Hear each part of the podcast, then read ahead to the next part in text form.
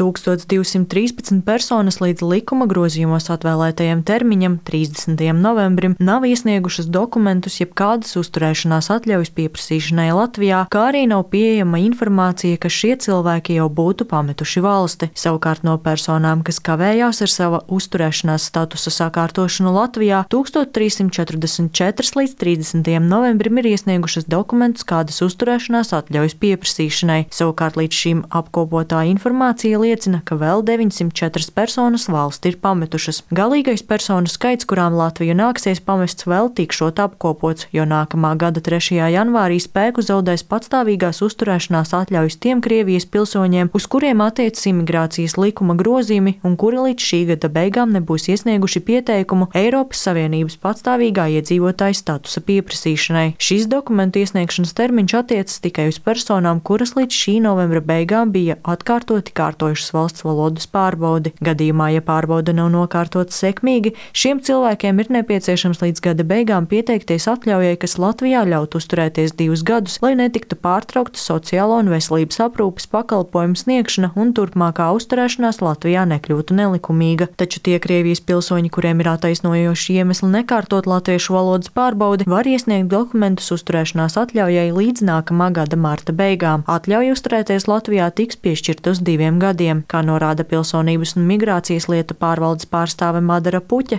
šiem 1213 Krievijas pilsoņiem vēl savā ziņā pastāvot iespēja, kā palikt Latvijā. Šiem cilvēkiem būs jāsniedz rakstisks paskaidrojums par neizbraukšanas iemesliem un par iespējamo izbraukšanas laiku. Un pēc tam pārvalde sagatavos izbraukšanas rīkojumus, kas paredzēs, ka 30 dienu laikā valsts ir jāatstāj. Tā ir likumā noteiktā prasība, kas viņiem pašiem būs jāveic labprātīgi. Ja šiem cilvēkiem ir kāds pamatots iemesls, lai tomēr arī pēc termiņa beigām iesniegtu dokumentus, piemēram, uzturēšanās atļaujai saistībā ar ģimenes apvienošanu, darbu vai kādu citu, tad jā. Bet tam ir jābūt likumiski pamatotam un paskaidrojumā būs jānorāda, kāpēc tas visos iepriekšējos termiņos nav ticis izdarīts. Biedrības Krievu balss Latvijai valdes priekšsēdētājs Martins Levuškāns uzsver, ka būtu nepieciešama individuāla pieeja tiem cilvēkiem, kuri vēl nav nokārtojuši vajadzīgos dokumentus un ieguvuši uzturēšanās atļauju. Diezgan bieži tie cilvēki, kuri ir ļoti izolēti no sabiedrības, jo viņi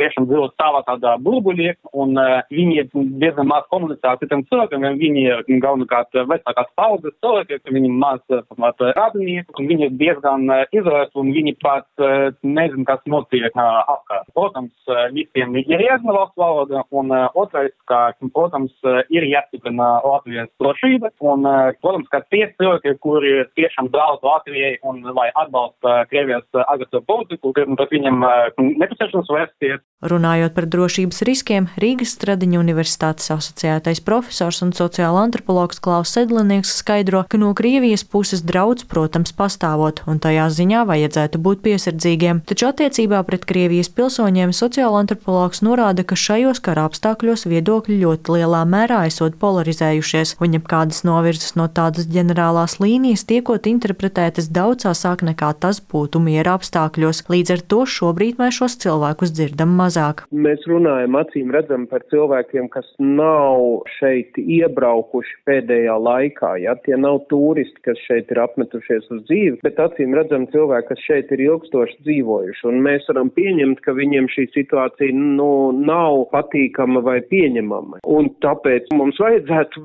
uzdot šo jautājumu, kāpēc viņi nekādi nepauž savu neapmierinātību. Un uh, acīm redzami tas norāda uz tādu kopējo arī vārda brīvības atmosfēru pašreizējos apstākļos. Citiem vārdiem sakot, droši vien, ka cilvēkiem ir uh, bail izteikties, paust šo savu neapmierinātību, bailēs par to, ka viņi varētu vēl vairāk pasliktināt savus apstākļus. Tādas apspiestas emocijas un viedokļi paši par sevi gan neizūdot, un tie varot pie kādiem izdevīgiem apstākļiem izlausties ārā, tā norāda sociāla antropologs. Tāpat arī viņa prāta versija, ka šie Krievijas pilsoņi beidzot esot integrēti Latvijas sabiedrībā, un viņi saprotot, ka viņiem būtu jārunā latviski, esot gan maz ticama. Agnija Lazdiņa, Latvijas radio.